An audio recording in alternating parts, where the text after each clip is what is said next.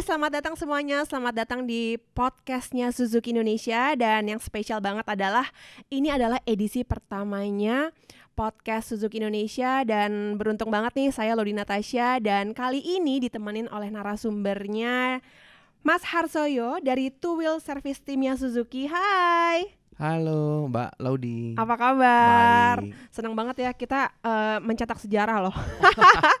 Karena hari ini adalah episode pertama dan yang pasti lo bisa nonton atau juga bisa bertanya-tanya yang pasti di YouTube-nya Suzuki Indonesia dan juga di Facebook at Suzuki Motorcycles ID. Ada juga Instagramnya at Suzuki Indonesia Motor dan yang pasti ada Twitternya juga at Suzuki Motor ID dan gue udah punya banyak banget nih pertanyaan-pertanyaan yang akan kita jawab di Tancap Suzuki yaitu tanya jawab Suzuki. Mas, eh, seperti yang kita tahu ya di Jakarta ini paling banyak dan yang bikin macet kadang-kadang semrawut itu adalah pengguna motor. Bete nggak lo gue bilang gitu? Wah. Nggak lah Banyak ya. banget emang sepeda motor. Iya sepeda motor itu banyak banget dan menurut eh, saya gitu ya sepeda motor itu sangat membantu apalagi kalau saya sedang eh, dikejar sama waktu Mm-mm. ya kan. Nah tapi kita kadang-kadang sering juga dibikin bete sama pengendara motor Betul. yaitu kadang-kadang dia suka nyetirnya ugal-ugalan udah gitu nggak pakai helm padahal bawa anak udah gitu suara knalpotnya kenceng banget bikin kuping pengang Waduh. Habis itu yang paling bikin bete adalah asapnya itu bikin bau lah, warna hitam atau warna putih gitu. Makanya kadang-kadang kalau kita naik ojek online gitu langsung dikasih eh, masker selain emang polusi, kadang-kadang juga motor, bus gitu ya bikin kita napasnya jadi nggak bagus. Nah itu kalau kita lihat seperti itu, motor-motor yang kayak nggak terawat gitu kan mas, yang pasti harus dirawat ya kan. Dan episode pertama ini, segmen pertama kita akan membahas gimana caranya mengkiat, eh, gimana caranya bla bla bla bla. Oke, untuk pertama ini kita akan membahas tentang kiat bikin awet motor Suzuki atau mungkin apa pun motor lo itu gitu ya. Gimana caranya supaya awet? eh, tips and triknya kita akan langsung tanya ke Mas Harsoyo. Mas Harsoyo, Ya. gue yakin lo adalah pengendara motor. Apakah setiap hari atau enggak? Tiap hari. Tiap hari. Hmm, mobil ada, mo- motor ada. Oke, gue tanya dulu, motor lo ada berapa mas? Motornya kurang lebih lima lah. Gila, motornya lima, banyak banget. Jadi apakah lo seperti misalnya gue motornya lima ya mas, gue hari ini pakai baju ini, maunya pakai motor warna ini hari ini, atau Bisa jadi seperti Bisa itu. jadi kayak Motor gitu. lagi pakai warna biru nih. oh, atau misalnya mau jemput cewek yang ini, motornya pakai yang ini, wah, mas. Hmm, Apa jangan calon motor jangan-jangan. tahu-tahu calon motor, mas. Lo suka touring, Touring ya. balapan, Balapan nggak udah tua kali ya. pernah tapi Ah, ya ngebut aja pernah di jalan paling. ngebut berarti, ta- tapi pernah menjadi pengendara motor yang ugal-ugalan nggak? Pernah Pernah pada masanya. pada masanya dulu waktu kuliah. Oke. Terus eh, apakah lo Jangan ses- dicontoh yang itu Iya, ya. jangan dong, jangan jangan. Tapi pasti yang nonton ada nih, Mas. Betul. Makanya dia harus nonton. apakah lo pernah menjadi pengendara motor yang tidak menggunakan helm lalu terjadi apa-apa? Eh pernah ya pada waktu zaman dulu ya itu zaman sekolah.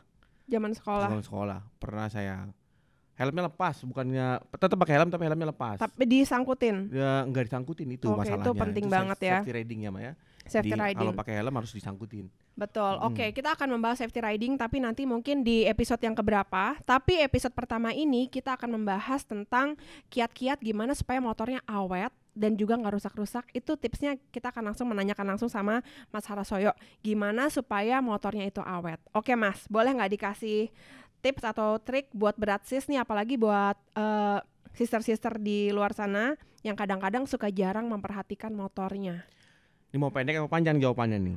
eh kalau nanya sama saya, saya senengnya yang panjang, Oh, gitu tapi ya? detail. Tapi berhubung dengan segmen kita ini ada waktunya, Oh, mungkin gitu. boleh dikasih yang padat. Kalau yang pendek kalau motornya mau awet, servis di motor di bengkel resmi. Kalau di Oke. Suzuki ya di bengkel resmi Suzuki, kalau di motor lain ya silahkan di motor lain, di Oke. bengkel lain seperti itu. Ada ada waktunya nggak misalnya berapa lama sekali harus datang atau berapa kilometer? Ya itu belum selesai saya itu. Oh ya, Belum selesai. Kalau pendeknya servislah motor Anda di bengkel resmi. Seperti itu. Uh-huh. Yang kedua adalah eh, motor itu kan banyak banyak itemnya ya, banyak eh, part-part yang lainnya. Mhm. Eh, jadi kalau servis berkala itu di di bengkel resmi itu pasti yang dicek itu kan tidak hanya satu item saja, tapi banyak item. Nah, butuhnya perawatan berkala ya kita bengkel di mekanik ini harus mengecek beberapa item itu seperti itu. Oke. Apalagi kalau sekarang yang modelnya dalam model motornya sekarang motor-motor injeksi ya. Sebenarnya eh, servis untuk motor injeksi lebih simpel dibandingkan motor karburator zaman dulu. Oke. gitu. Jadi jangan takut ke bengkel resmi. Eh, silakan datang ke bengkel resmi akan ditangani oleh mekanik-mekanik kita di sana. Oke. Gitu. Terus kalau aku boleh korek-korek nih, kira-kira eh, range-nya untuk datang pertama kali untuk servis misalnya baru beli motor gitu ya. Mhm. Kira-kira range-nya berapa sih Mas abis duitnya? Range apa nih harga atau iya, jadi misalnya dia eh, pertama kali servis sebagai aku orang awam ya. Kalau Mhm. aku tuh naik motor itu cuma duduk di belakangnya oh doang. gitu. Ojek online. Pengen tahu kalau misalnya naik motor itu berapa servisnya? Ah, kebetulan di motor Suzuki itu Mhm. kalau beli motor baru itu kita dapat kupon servis gratis. Oke. Kupon servis gratis ada empat. Kupon pertama itu gratis jasa dan gratis oli. Wow, lumayan Ya, banget. jasanya gratis. Kemudian di kupon kedua itu gratis jasa, tiga ja- ke gratis jasa dan keempat gratis jasa. Oke. Jadi eh berapa biayanya untuk biaya jasanya masih free. Oke. Heeh. Jadi cuman ganti spare partnya atau spare partnya harus bayar atau gimana? Kalau Hmm, di Suzuki ya? Kalau di Suzuki ya, kalau di Suzuki itu ada kalau pertama kali kita masuk ke bengkel itu biasanya kan ganti oli kan kita kasih free nih ya. Iya, Kemudian gasanya juga free. iya. Tapi ada eh, di kupon pertama itu kita paling paling hanya membayar eh filter oli saja. Oke. Hmm, filter oli itu kurang lebih ya sekitar 9 ribuan lah. Ah, murah lebih. banget. Murah sekali. Oke. Tapi tergantung juga ya kalau misalnya motor yang mahal banget ya kan jangan ngarep 9000 ribu keluarnya. Iya rata-rata motor-motor yang dikeluarin Suzuki sekarang harganya sekitar segitulah. Oke, baiklah kalau gitu. Nanti kita akan membahas do's and don'ts-nya untuk perawatan motor. Tapi yang pasti sekali lagi nih buat kamu yang pengen tanya-tanya langsung sama Mas Harsoyo, silahkan eh, bisa nge-tweet langsung at Suzuki Motor ID, bisa juga di Instagramnya at Suzuki Indonesia Motor, dan juga Facebooknya at Suzuki Motorcycles ID. Nah kalau YouTube-nya bisa juga langsung jangan lupa subscribe ya, Suzuki Indonesia. Oke, don't go anywhere, stay tune right here. Memperkenalkan Suzuki Next 2 Matic keren dengan manuver gesit plus bensin super irit. Gokil keren. Suzuki Next 2 Keren cara baru. Yes, Bratsis, kita kembali lagi di podcastnya Tancap Suzuki, Tanya Jawab Suzuki bareng Mas Harsoyo dari Two Wheel Service Team. Dan di segmen sekarang kita akan tanya jawab tentang do's and don'ts untuk perawatan motor. Kan kalau tadi kita udah nanya-nanya nih tentang perawatan motor supaya motornya itu awet. Nah, kalau sekarang pada saat kita melakukan perawatan motor, Mas, do's and don'ts-nya itu yang paling penting apa sih? Yang paling penting pada saat merawat sepeda motor itu adalah motor ini kan komponennya banyak nih. Betul. Kalau komponennya banyak ini kan kalau dipakai kurang lebih ini kan kalau kita servis berkala aja itu kan 4000 km maksimal ya. Mhm. Harus masuk ke bengkel.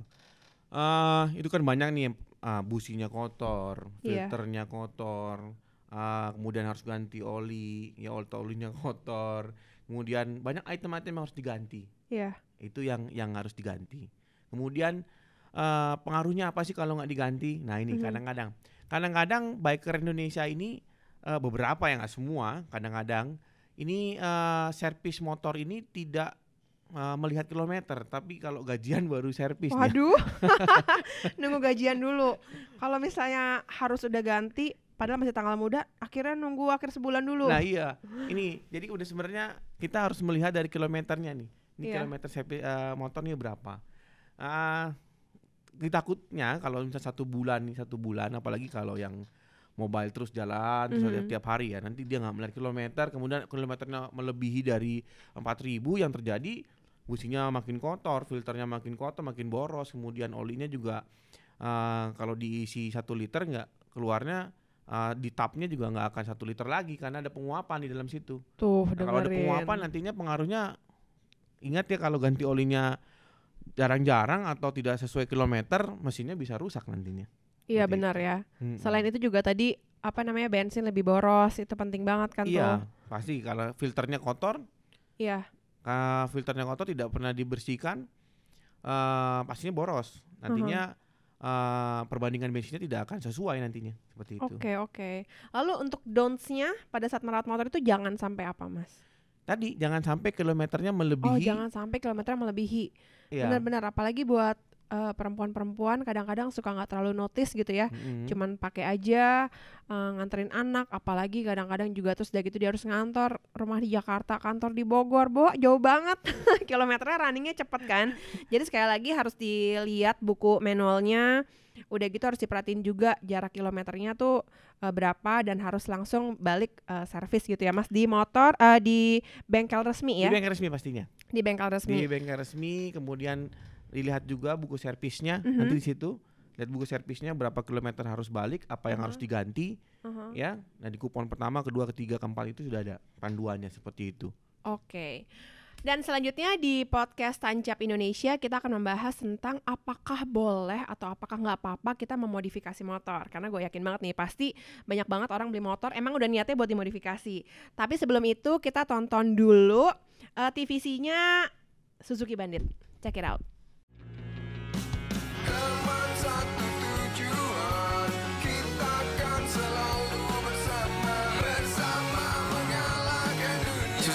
GSX 150 Bandit. Teman satu tujuan. Yes, berat sis, makasih masih barengan sama kita di Tancap Suzuki. Dan yang pasti saya masih barengan sama Mas Harsoyo dari Two Wheel Service Team. Dan selanjutnya kita akan membahas tentang modifikasi motor. Nah, gue yakin banget nih kalau orang udah beli motor terus dia langsung ketemu sama komunitas-komunitasnya gitu kan. Nongkrong di bengkel langsung udah ganti apa aja bro? Cie udah ganti apa aja sis padahal maksud hati nggak kepengen ganti tapi kalau ditanyain mulu lama-lama jadi pengen ganti bener gak sih mas oh iya pasti Terus kalau aku pengen tahu nih dari lima motornya Mas Harsoyo buat yang baru nonton ada lima motornya banyak banget. Ada yang dimodifikasi nggak? ah ada pasti Ada. ada Kayak gimana? Sejauh apa?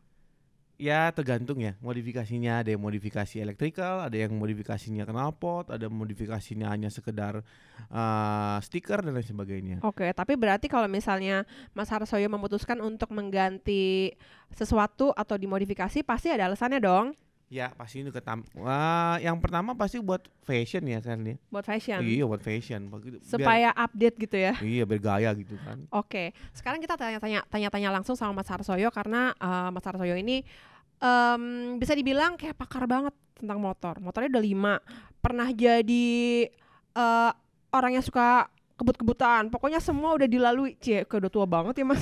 Padahal masih muda.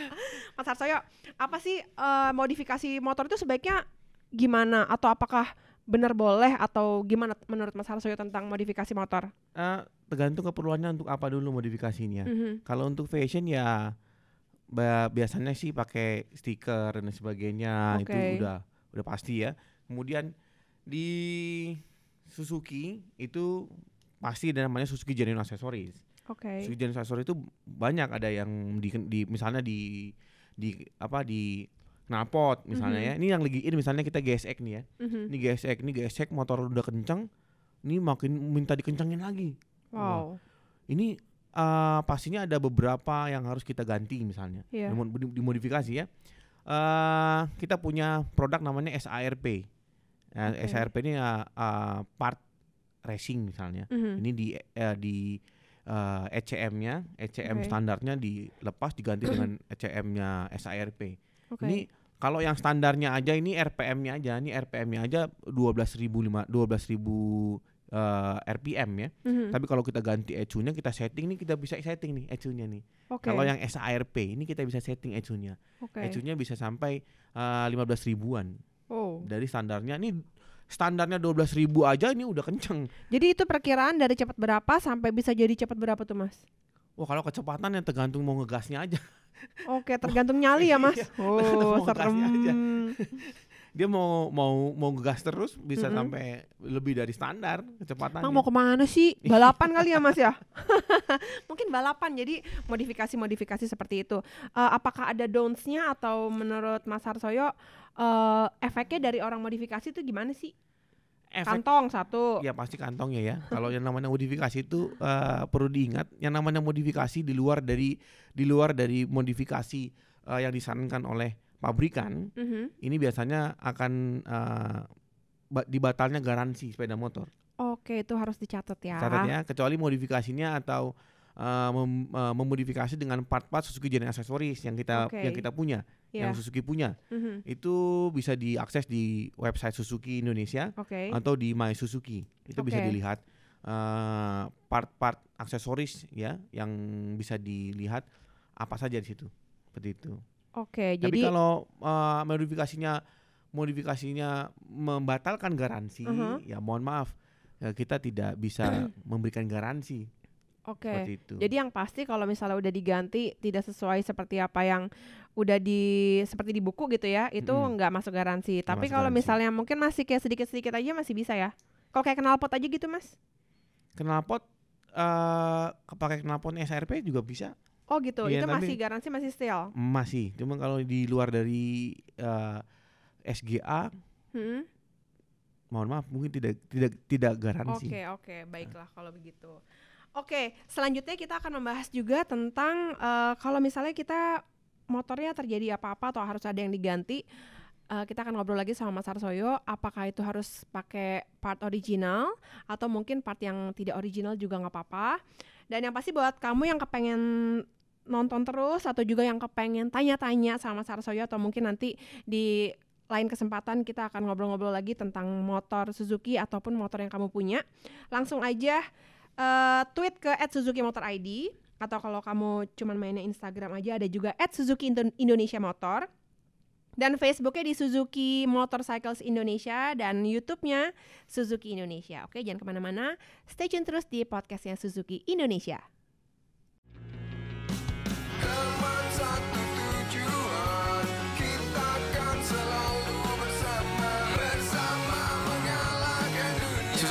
GSX 150 bandit Teman satu tujuan Yes, berat sis, balik lagi ke podcastnya Suzuki Indonesia dan pasti masih barengan sama Lodi Natasha dan juga Mas Harsoyo dari Two Wheel Service Team. Dan selanjutnya nih kita akan membahas tentang kalau kita punya motor gitu ya, kalau kita mau ganti-ganti spare part, nah udah pasti yang yang kayaknya harus banget itu adalah pakainya part original ya kan Mas? Iya dong. Tapi kalau misalnya ternyata ah gue pengennya pakainya part yang itu ah pengen cobain pakai part ini ah itu gimana Mas menurut lo? Eh, nggak boleh sebenarnya, bukan nggak boleh ya. Eh, ini umur pakai. oh Kalau kita umur pakai, pakai penting tuh. kalau pakai spare part original, ini umur pakainya jauh lebih lama, lebih awet dibandingkan dengan yang KW. Nah Seperti itu. Eh, kami sarankan sih untuk para biker mengganti dengan part yang original. oke Eh, ada harga pasti lebih awet. benar. Ya. Sama juga kayak pakai hidung original atau hidungnya bohong-bohongan ya kan mas? Malah jadi nggak enak mau diapa-apain karena nggak aslinya. Nah eh, sambil udah dikumpul-kumpul ini pertanyaan-pertanyaan yang udah masuk ke twitternya @suzuki_motor_id juga pertanyaan-pertanyaan yang masuk ke instagram @suzuki Indonesia Motor dan juga facebooknya @suzuki_motorcycles_id Eh, boleh ya mas? Aku tanya-tanya ya. Ya boleh. dari akunnya at Suzuki Satriafu 150.id. Kenapa jok belakang saya selalu kosong, Min? Jomblo dia maksudnya gitu kan? Ini Suzuki Satria jok belakangnya kosong. Wah, ini biasanya Suzuki Satria ini memikat cewek cepat sekali loh. Gitu ya. Iya. Berarti ada yang salah sama dia. Wah, ada yang salah ini pasti. Sampai belakangnya kosong. Kenapa kosong sih jok belakangnya ini? Oke, sebaiknya kamu ngaca dulu, terus dari gitu mungkin juga eh, belanja-belanja untuk memodifikasi baju atas bawah ya kan? Dan juga yang pasti harus wangi. Jadi jok belakangnya ada isinya, ada orangnya. Oke, selanjutnya pertanyaan dari brother sun underscore Mugen. Kalau injektor motor itu wajib dibersihin tiap berapa kilometer ya Min? Apa kalau ada trouble aja? Oke. Kalau di Suzuki itu eh, dibersihkan di 12.000 km. Oke, Tapi ada beberapa merek motor yang yang tidak yang tidak menyebutkan 12.000 km. aha. Emang dia kalau ada trouble baru dibersihkan. itu Seperti ngerasanya kayak endut-endutan gitu berbet atau gimana tuh? Eh, di injektor itu kan ada filter. Mhm. Kemudian di di uh, fuel pump itu juga kan ada filter. Kan ini hubungannya dengan dari fuel pump ke injektor nantinya. Nah ini bensin kita nih bensinnya eh, rada kotor nih. Makanya ada- di situ ada filter. Pada saat disaring masuk ke, ke masuk ke injektor mungkin masih ada beberapa yang kotoran yang masuk mengendap. Nah ini ya kotoran inilah yang harus kita bersihkan Oke. ya, atau kerak-kerak yang kita bisa bersihkan. Jadi Oke. kalau di Suzuki itu di maintain di 12.000 km atau satu tahun lah Oke. gitu. Berarti waktunya lumayan panjang ya. Itu Panjang, untuk panjang. eh, servis seperti itu dibutuhkan berapa biayanya kira-kira? Kalau dibutuhkan biayanya Besar atau enggak? enggak lah. Nanti datang aja ke dealer nanti kita bisa lihat harganya standar berapa. lah ya. Standar lah. Oke, pertanyaan selanjutnya. Dari brother M Zahidal Muwar 020502. Uh, banyak banget kosongan. Panjang. Oke, kenapa Suzuki lebih memilih menggunakan teknologi DOHC ketimbang SOHC dan juga apa kelebihan dari DOHC? Kenapa Suzuki lebih memilih DOHC dan SOHC? Tergantung ya. Jadi kalau motornya eh yang modelnya bebek kayak eh, Smash FI kita pakainya SOHC. Oke. Kemudian Matic yang eh 110 kita pakainya SOHC. Mhm. Kebetulan motor yang Hyper Underbone uh, All New Satria F150 dengan gesek ini kita menggunakan DOHC. Nah, Oke. ini kan eh, apa sih keunggulan DOHC? Nah, ini keunggulan DOHC yang punya yang punya Suzuki ya. Ini double overhead camshaft direct acting valve. Mhm. Ini direct acting valve. Kalau yang di eh, DOHC tempat lain ini enggak direct acting valve. Oke. Ya. Ini, keunggulannya dari Ini Suzuki ya? keunggulannya, betul. Jadi kalau Suzuki kan DOHC ini identik dengan nggak pakai rocker arm. Nah, tapi tapi di tempat lain ada yang pakai rocker arm Mhm. seperti itu. Jadi teknologinya yang DOHC-nya di motor Satria sama di gesek persis dengan kayak DOHC yang ada di sepeda eh, di mobil ya. Nah, Oke. di, di direct namanya eh, DOHC tapi double overhead camshaft direct acting valve. Bedanya seperti itu. Oke, mudah-mudahan bisa menjawab pertanyaannya ya. Selanjutnya dari brother Teguh Hasifak. Bisa nggak sih eh, ECU bawaan pabrik di reset? Contoh kayak RPM-nya dinaikin gitu? Ah, mohon maaf Teguh eh, Hasifak. Hasifak ini enggak kalau untuk ECM yang bawaan pabrik ini nggak bisa disetting Mhm. ya. Ah, untuk RPM-nya untuk yang GSX ini leb- sudah tinggi eh dibandingkan dengan teman yang lainnya. Ya ini udah 12.500 ini 2.500 12.500 RPM ini tinggi loh.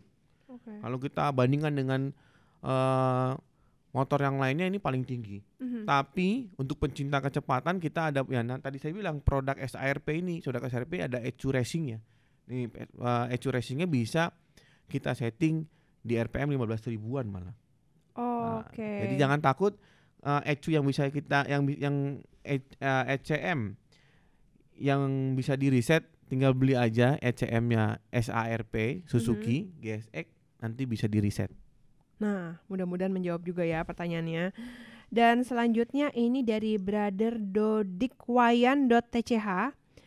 Cara kerja one push starter Satria gimana ya? Wah. Ini salah satu eh, keunggulan dari Satria dan GSX ya. Untuk Mhm. yang one push sekali pencet starter langsung running. Nah, oh, jadi eh, cara kerjanya bagaimana? Pada saat kita pencet dia langsung connect ke ECM. Nah, ini Oke. kurang lebih sekitar eh, 10 detik oh. ya, dia running sendiri. Lebih hemat elektrik mhm. ya. Kemudian eh, salah satu teknologi motor gede juga ini. Kalau yang one push ini di di Satria sama di GSX Oke. seperti itu. Ini kayaknya nanya-nanya mungkin mau beli ya. Mudah-mudahan beli ya. Oke, pertanyaan selanjutnya dari brother Alif Hidayat. Min, kalau motor injeksi didiamkan selama kurang lebih satu tahun, terus kalau nggak nyala apa harus ke bengkel? Karena lupa cabut aki dan juga BBM-nya terisi. Oh, Wah. tapi akinya udah dicabut tapi BBM-nya keisi. Ini satu tahun loh jawabannya ya. Berarti dia, berarti dia belum nyoba nih. nih ya, dia belum nyoba. Kalau beli motor injeksi itu kemudian habis beli ditaruh satu tahun kemudian baru dipakai ya. Aha. Gimana Ini- tuh? eh akinya saran saya kalau nih eh, pemakaiannya panjang sekali mungkin dia belayar mungkin ya. Ah, mungkin Biasanya juga. belayar satu tahun kemudian baru pulang Iya. seperti itu ya. Saran saya tankinya kalau keisi penuh begini nantinya eh, bensinnya akan me- Kotor atau gimana? bukan kotor ya. Kalau bensin terlalu lama di tangki itu lama kelamaan dia akan eh, rusak ya bensinnya. Oh gitu. Jadi pompa bensinnya ini akan berkerak. Nah, kebanyakan kalau di bengkel tuh pompa bensinnya akan berkerak. Nanti pada saat mau dipakai pompa bensin tidak menyala Mm-mm. ya. Kemudian eh, berkerak pasti akan diminta dibersihkan semuanya. Jadi dikuras dulu gitu sebaiknya. dikuras dulu semuanya, didiamkan. Aha. Ya, kalau memang berniat satu tahun tidak mau dipakai ya, seperti itu. Kalau aki ya pasti dicabut karena dia satu tahun lebih. Jadi nih ya kalau misalnya naik motor gitu, misalnya dia akan bepergian gitu ya, maksimum banget itu berapa lama? Misalnya dia nggak, gua nggak mau nitipin ah, nitipin ke ibu atau ke mana gitu, biar stay di rumah aja tuh maksimum tuh berapa lama? Jangan sampai satu tahun. Wah, kalau maksimal berapa lama ini ya kurang lebih tiga minggu dua minggu lah. Sebaiknya Iya. dipanasin gitu ya. bi- ada ya dipanasin. Ya untuk eh, minta tolong di rumahnya mungkin dipanasin ya setiap Iya. setiap mi setiap eh, berapa hari sekali dipanasin. Iya, oke oke oke. Seperti itu. Tapi jangan sampai satu tahun diam didiamkan sama sekali. Mendingan jadi jual ya. Dijual atau disewa-sewain gitu. Mendingan Oke. kasih saya aja mendingan ya. Biar nambah koleksi saya saya. juga mau. Oke, eh, buat kamu yang pengen bertanya-tanya gitu ya, langsung ke Mas Harsoyo juga bisa. Mas, mungkin ada Instagram yang bisa dikasih tahu? Eh, nggak ada. Nggak ada, nggak ada Instagramnya ya. Udah kalau gitu, langsung aja ke Instagramnya @suzuki_motor_id. Itu eh, Twitternya, kalau di Instagramnya @suzuki_indonesia_motor. Untuk Facebooknya @suzuki_motorcycle_id dan juga YouTube-nya Suzuki Indonesia. Buat kamu yang mau tanya-tanya, brother and sister silahkan. Kita akan bacain lagi di podcast edisi selanjutnya. Makasih banyak udah eh, nonton podcast Suzuki Indonesia edisi pertama, edisi perdana sejarah kita hari ini. Terima kasih Mas Harsoyo udah nemenin dan juga terima kasih buat semua yang sudah nonton. Kita ketemu lagi di edisi selanjutnya. Bye.